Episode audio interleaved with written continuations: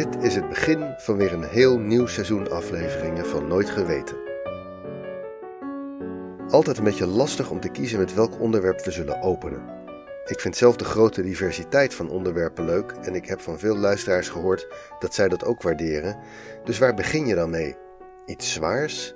Juist een lekker makkelijke inswinger? Ik weet het niet goed. De afgelopen seizoenen begon ik vaak met best lastige, taaie onderwerpen. Ik weet eigenlijk niet waarom. Misschien om de toon te zetten. Zo van: let op, je moet hier wel even je best voor doen. Nou, daar houd ik nu maar eens mee op. Elk onderwerp is eigenlijk even geschikt als nummer 1. Hier gewoon een leuk historisch verhaal over middeleeuwse betaaltechnologie. Hier is Nooit Geweten, aflevering 37.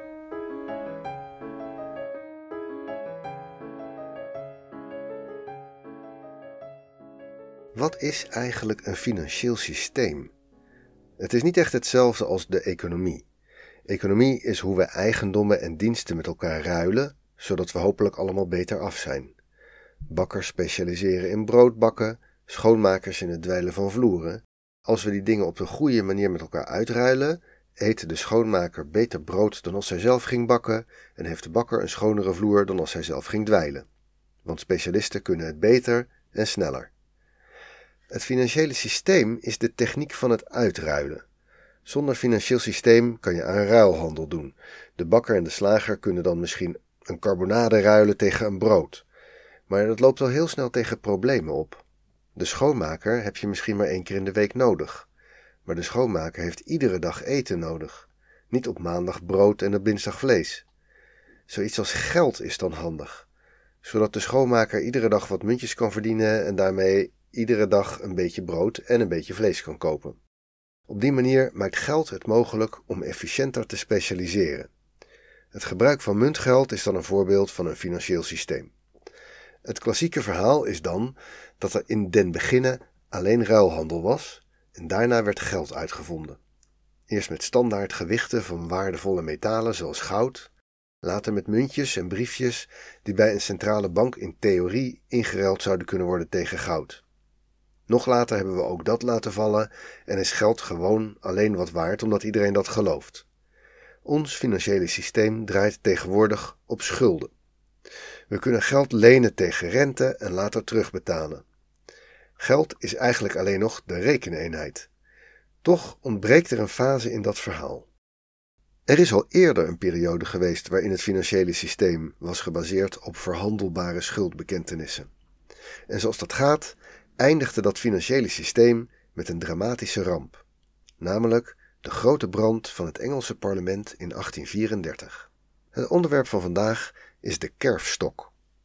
Je kent het woord natuurlijk uit de uitdrukking heel wat op je kerfstok hebben, maar dat is niet de kerfstok die ik bedoel.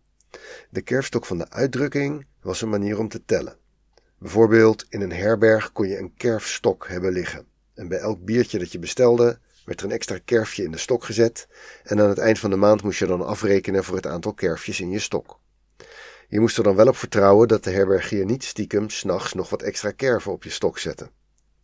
Voor grotere schuldbekentenissen bestond er een slimmer systeem, de gespleten kerfstok. Het gaat zo. Je neemt een langwerpig stukje hout van ongeveer 20 centimeter. Aan de voorkant en de achterkant schrijf je erop waar de schuld voor is bijvoorbeeld voor de koop van een stuk land of het voldoen van een belasting. Daarna breng je aan de zijkant kerven aan die staan voor het totale bedrag van de schuld. Bijvoorbeeld een brede kerf voor een gulden en een smal sneetje voor een stuiver. Daarna wordt het stukje hout gespleten in twee stukken, waarbij de nieuwe schuldeiser de voorkant krijgt en de schuldenaar de achterkant. Bij het splijten van het houtje volgt de scheurlijn de nerf van het hout. En dat is bij ieder houtje anders. Beide helften hebben de kerfjes voor het totale bedrag en de omschrijving waar de schuld voor was. De schuldenaar kan controleren of er geen kerfjes bij geplaatst zijn, want zijn helft moet precies passen en moet dezelfde kerfjes hebben. Het schuldbewijs is dus niet zomaar na te maken. Maar goed, een slim soort schuldbewijs is nog geen financieel systeem.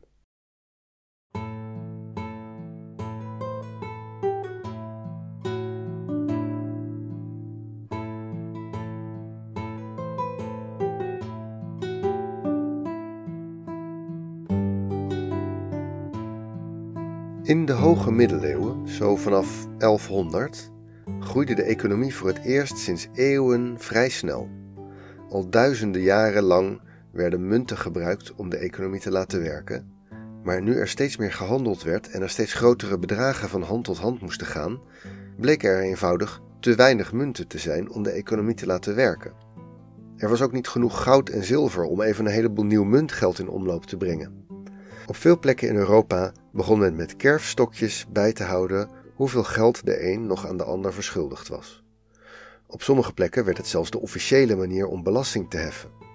En als de overheid wat te betalen had, dan voldeden ze die betaling bij voorkeur met een paar van die stokjes. Dan moest degene die ze kreeg zelf maar regelen dat hij zijn geld kreeg bij die persoon die op het stokje stond. En die ging natuurlijk ook zelf weer niet al die moeite doen om die schuld te innen. Die gebruikte het stokje zelf ook weer om iemand anders te betalen. En zo ontstond een heel betalingssysteem dat in theorie gebouwd was op de waarde van de munten die in omloop waren, maar de totale waarde van al die stokjes was veel groter dan alle munten bij elkaar. Eigenlijk leken die kerfstokjes heel erg op, ja, geld. Modern geld.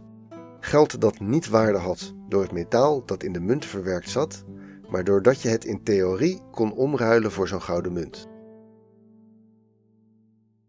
En zolang niemand dat echt gaat doen en iedereen de stokjes accepteert als vervanging van echte muntjes, zolang werkt het. Dit klinkt een beetje als een piramidespel en er zijn ook een paar kanten aan die we niet precies begrijpen.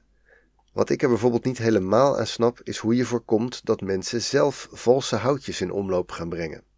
Immers, degene wiens naam op het houtje staat en die als het goed is het passende tegenhoutje bezit, die is er niet bij als het kerfstokje als betaalmiddel wordt gebruikt. En hoe werkt het als iemand failliet gaat of sterft met grote schulden? Een houtje met die naam erop zou ik liever niet in mijn spaarkist hebben. Er moeten ooit miljoenen van deze kerfstokjes in omloop zijn geweest, maar we hebben daar eigenlijk nog maar heel weinig over. En over de details van het systeem weten we eigenlijk maar weinig. Waar we wel iets over weten, is het spectaculaire en rampzalige einde van de tijd van de kerfstokjes. In de 13e en 14e eeuw waren kerfstokken dus in heel Europa een gebruikelijke manier om schuldbekentenissen te doen. Daarna kwamen er andere methodes in zwang, bijvoorbeeld contracten met zegels en handtekeningen, of bijvoorbeeld de sirograaf, waarbij een contract in twee stukken werd geknipt, precies over een stuk handgeschreven tekst heen. Er zijn wat uithoekjes waar de kerfstok nog tot in de 20e eeuw werd gebruikt, maar op de meeste plekken was het na de middeleeuwen wel gedaan. Behalve, behalve in Engeland. Om de een of andere reden, waarschijnlijk omdat het een traditie was of zo, bleef het vastleggen van belastingschulden in Engeland nog tot 1782 gebeuren met stukjes wilgehout. Ze hebben dat dus in totaal zo'n 600 jaar lang op die manier gedaan.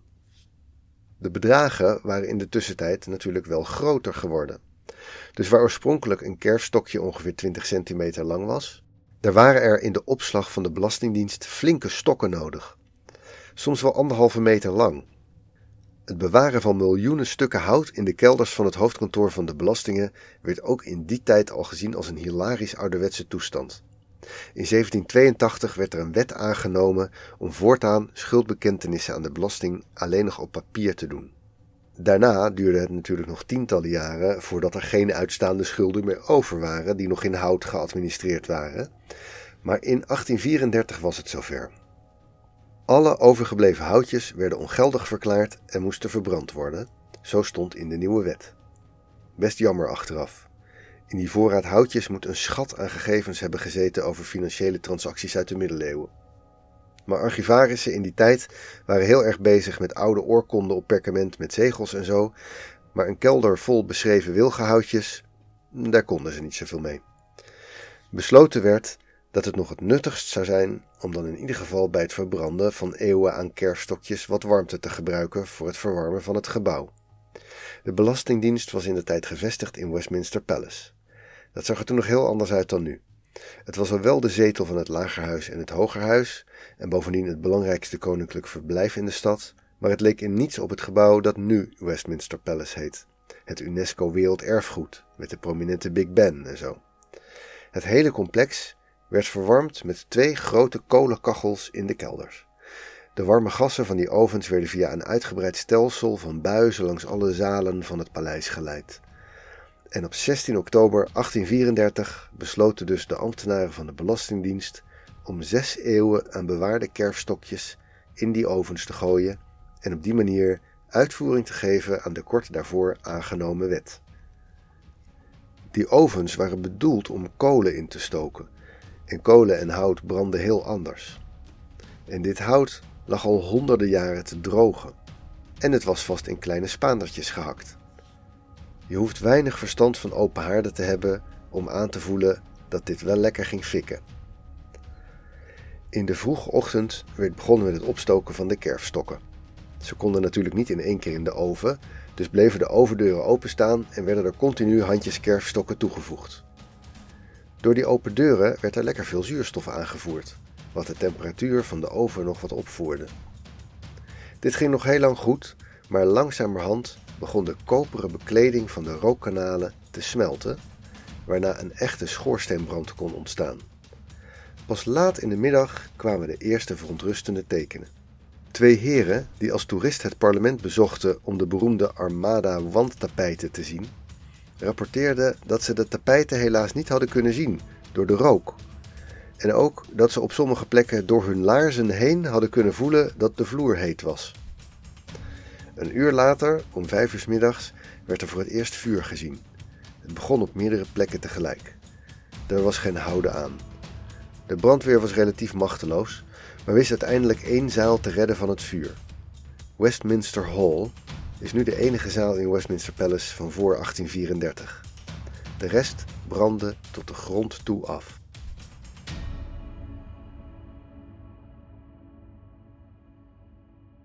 De brand werd een enorm publieksevenement. Half Londen wilde de brand zien.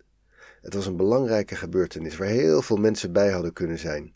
Zo'n gebeurtenis waar iedereen nog van weet wat hij deed toen het gebeurde. Er zijn ook tientallen olieverfschilderijen van de brand en van de rokende puinhopen op de volgende dag. En het betekende natuurlijk dat er opdracht gegeven kon worden voor een heel nieuw paleis. Met behoud van de stukjes die nog overeind stonden, werd het huidige iconische Westminster Palace neergezet. Met de Big Ben. Maar het blijft jammer van al die houtjes. Dit was aflevering 37 van Nooit Geweten. Ik hoorde het verhaal over de kerststokjes en de brand in het parlement voor het eerst op een andere podcast, namelijk de geweldige serie 50 Things That Made the Modern Economy van de BBC World Service. Echt een aanrader. De oplossing van de fotopuzzel was de pagina The Burning of Parliament op de Engelse Wikipedia. Nooit geweten is een hommage aan Wikipedia en alle informatie die je hebt gehoord komt daar vandaan en soms van bronnen waarnaar Wikipedia linkt. Je vindt meer details over dit onderwerp via de links in de show notes en ook vind je in de show notes een Wikipedia fotopuzzel waarmee je kan uitpuzzelen waar de volgende aflevering over gaat. Veel dank aan alle schrijvers die hebben bijgedragen aan de artikelen, aan de makers van de muziek en natuurlijk aan jou voor het luisteren.